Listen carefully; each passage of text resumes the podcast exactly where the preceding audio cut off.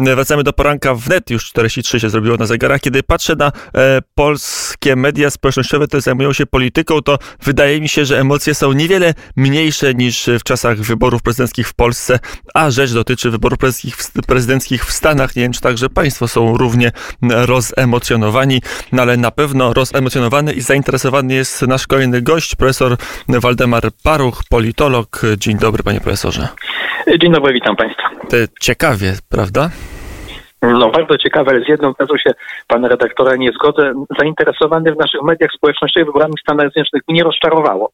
A przede wszystkim niskie zainteresowanie głównych portali informacyjnych. Jestem zaskoczony tym, jak mało miejsca się poświęca temu, co się dzisiaj w Stanach Zjednoczonych dzieje. Jest to zdecydowane zaskoczenie e, negatywne moje. Natomiast sytuacja jest bardzo ciekawa. Przed chwilą zakończył wystąpienie Donald Trump w Białym Domu. To przesłanie jest dość proste z tego wystąpienia, bo to wystąpienie zwycięzcy. To, to wyraźnie było to czuć. No i po drugie została sformułowana bardzo proste stwierdzenie, że republikanie wystąpią do, z wnioskiem do Sądu Najwyższego, żeby y, sąd wydał decyzję o zaprzestaniu liczenia głosów tych oddawanych korespondencyjnie po zamknięciu lokali wyborczych.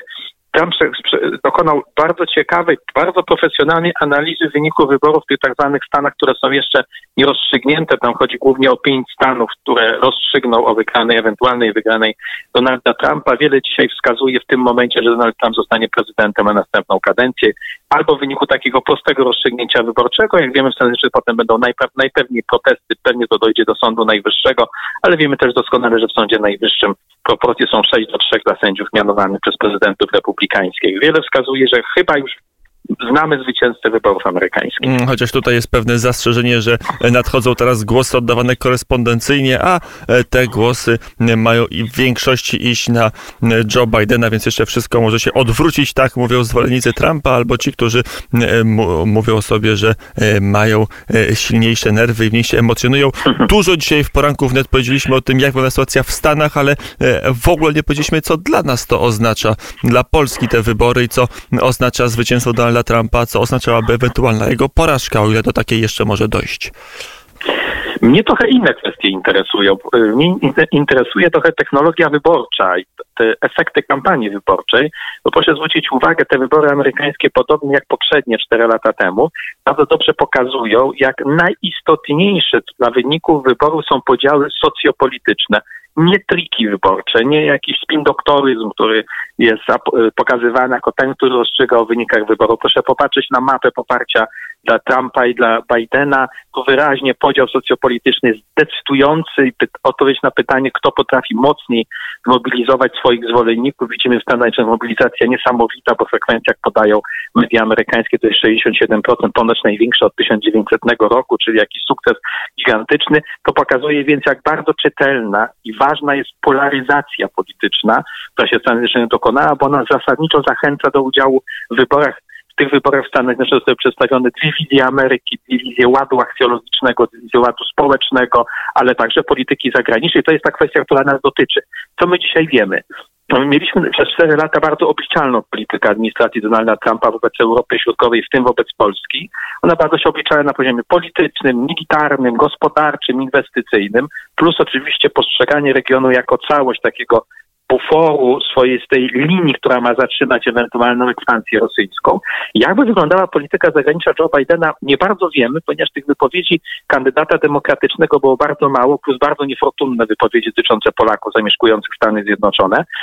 Pewnie dokonałyby się przewartościowania. Owszem, bardzo często w Stanach Zjednoczonych mamy swoistą kontynuację polityki poprzednika. Pamiętajmy, że Donald Trump pewnym sensie też kontynuował zwrot, zwrot dokonany w polityce amerykańskiej wobec Rosji w ostatnich miesiącach swojego poprzednika Baracka Obamy, ale zawsze nowy prezydent w Białym Domu, zwłaszcza przy tak ostrym podziale politycznym, jak jest w Stanach Zjednoczonych, byłby dla Polski pewną niewiadomą. Wymagałby na pewno ileś miesięcy wnikliwej i bardzo takiej pozytywistycznej pracy naszej dyplomacji, przede wszystkim pana prezydenta Andrzeja Dudy.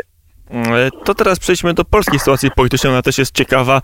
E, zdaje się, że e, strajk kobiet się zwija, ale straty dla władzy mogą być trwałe, straty w poparciu Sprawa jest tu bardziej złożona, bo jeżeli patrzymy na rozliczne sondaże, które są przeprowadzane przez ostatnie, bo były przeprowadzane w ostatnich dniach, to niewątpliwie mamy dość duże sondażowe tąpnięcie poparcia dla Prawa i Sprawiedliwości mierzone między tam 7 punktów procentowych, 9, a nawet 10 punktów procentowych, ale nikt na tym sporze wokół orzeczenia Trybunału Konstytucyjnego z ważnych sił politycznych w Polsce nie zyskuje. Te zyski są na poziomie błędu statystycznego. Nawet się pojawił jakiś sondaż, który pokazywał, że Konfederacja nie wchodzi nawet do Sejmu, co byłoby pewną niespodzianką, bo domniemano, że Konfederacja może być beneficjentem całego e, rozwoju wydarzeń w Polsce w ostatnich e, dniach, ale nie postrzegajmy kwestii mm, sporu orzeczenia Trybunału Konstytucyjnego w oderwaniu od dwóch innych kwestii. Oczywiście od walki z pandemią, ona jest tutaj kluczowa. W zależności od tego, jak obóz rządzący poradzi sobie z minimalizowaniem negatywnych skutków y, pandemii, przede wszystkim w obszarze służby zdrowia i zdrowia publicznego, a to mamy sytuację bardzo trudną, bardzo złożoną, bo będą konsekwencje gospodarcze, no bo rząd dość udanie i sprawnie minimalizuje te konsekwencje gospodarcze. Tutaj mm, zdolności rządu Mateusza Morawieckiego należy bardzo wysoko ocenić. No i mamy jeszcze kwestię piątki dla zwierząt. Proszę pamiętać, że tąpnięcie te straty dla Prawa i Sprawiedliwości zaczęły się wcale nie od orzeczenia Trybunału Konstytucyjnego, tylko od dyskusji w Sejmie wokół ustawy y, piątka y, dla, dla zwierząt. Natomiast wzrasta bardzo wyraźnie ta grupa wyborców, którzy po pierwsze mówią, że już nie chcą iść na wybory, bo wszyscy ich zawiedli i grupa wyborców, którzy mówią, że nie wiedzą na kogo by zagłosowali, gdyby wybory odbyły się jutro.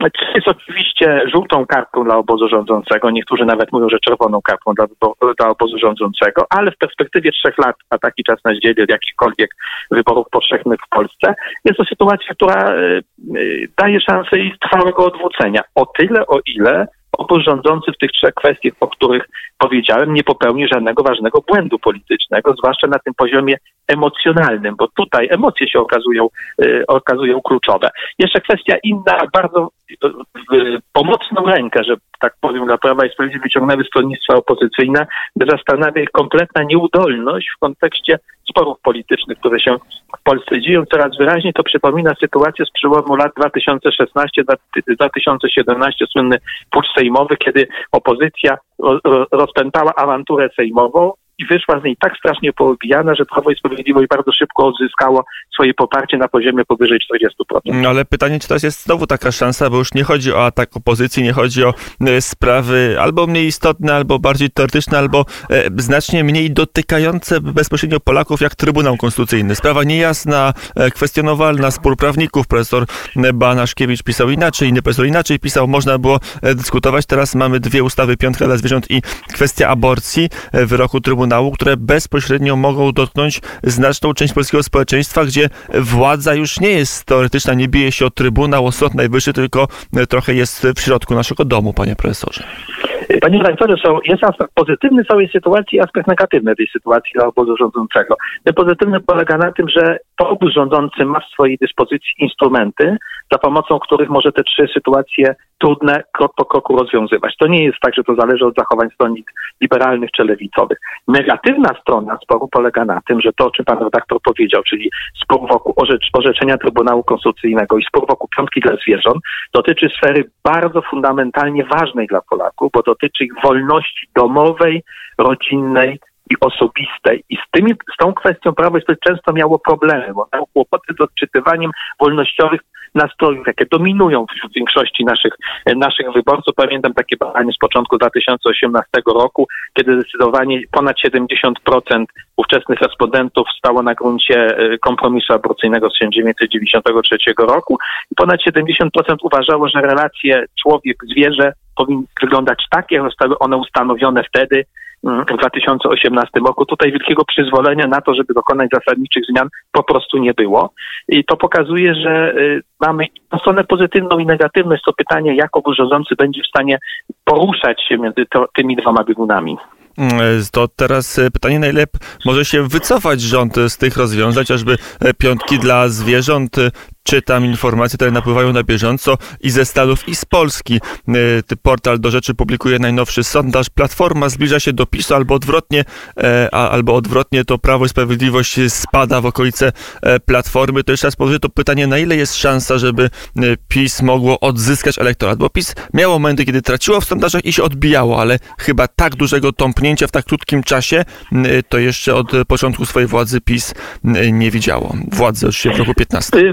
Pewnym sensie to tąpnięcie jest porównywalne z tąpnięciem, które, które się dokonało po słynnych nagrodach Beaty Szydło pamiętajmy, był taki moment realizacji politycznej w Polsce w Sejmie poprzedniej kadencji. Chyba topnięcia nie były tak wielkie, ale też były bardzo znaczne, gdy też opozycja zaczynała się zbliżać do prawa, mm, do prawa i sprawiedliwości. Natomiast bardzo ciekawe były mm, badania ostatnio opublikowane kilka dni temu Centrum Badania Opinii Społecznej, który pokazał, e, w jakich grupach i segmentach wyborców Prawo i Sprawiedliwość traci najwięcej.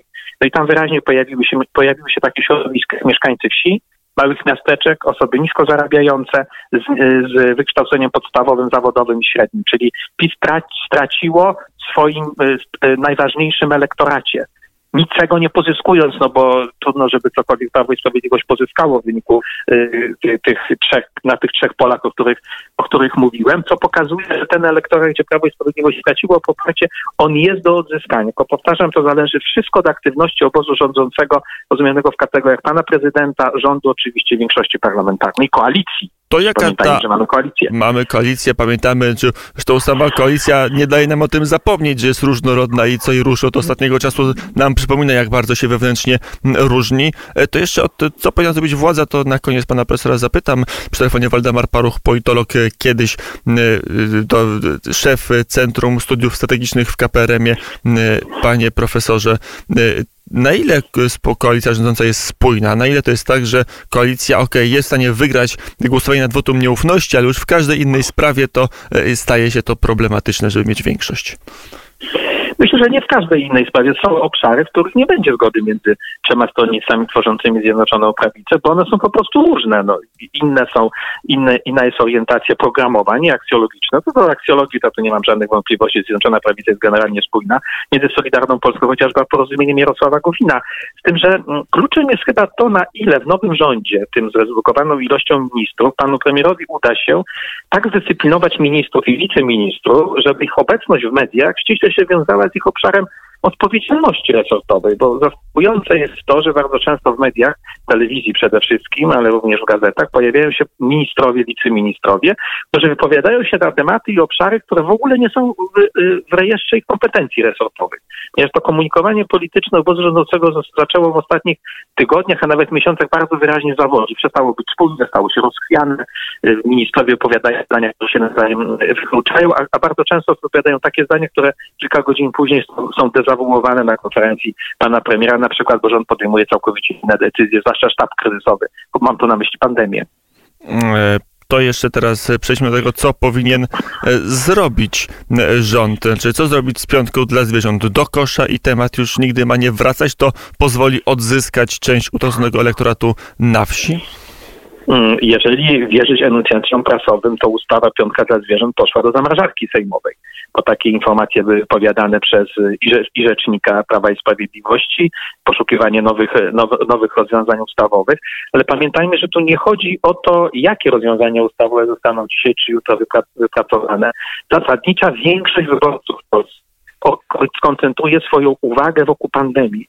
Panie redaktorze, mieszkańcy polskiej tak zwanej prowincji powiatowo-gminnej są sytuacją po prostu przerażeni, tą, która jest na, na, w obszarze walki z pandemią. Dlaczego? No ponieważ proszę pamiętać, że mamy prawie zam, zamrożoną medycynę e, rodzinną. Teleporady nie rozwiązują problemu leczenia na jesieni, kiedy pojawiają się zapalenia płuc, grypa i tym podobne. Mamy kłopoty z dostępem do, do szpitali, nie tylko w kontekście covidowym, bo to jest, to jest priorytet.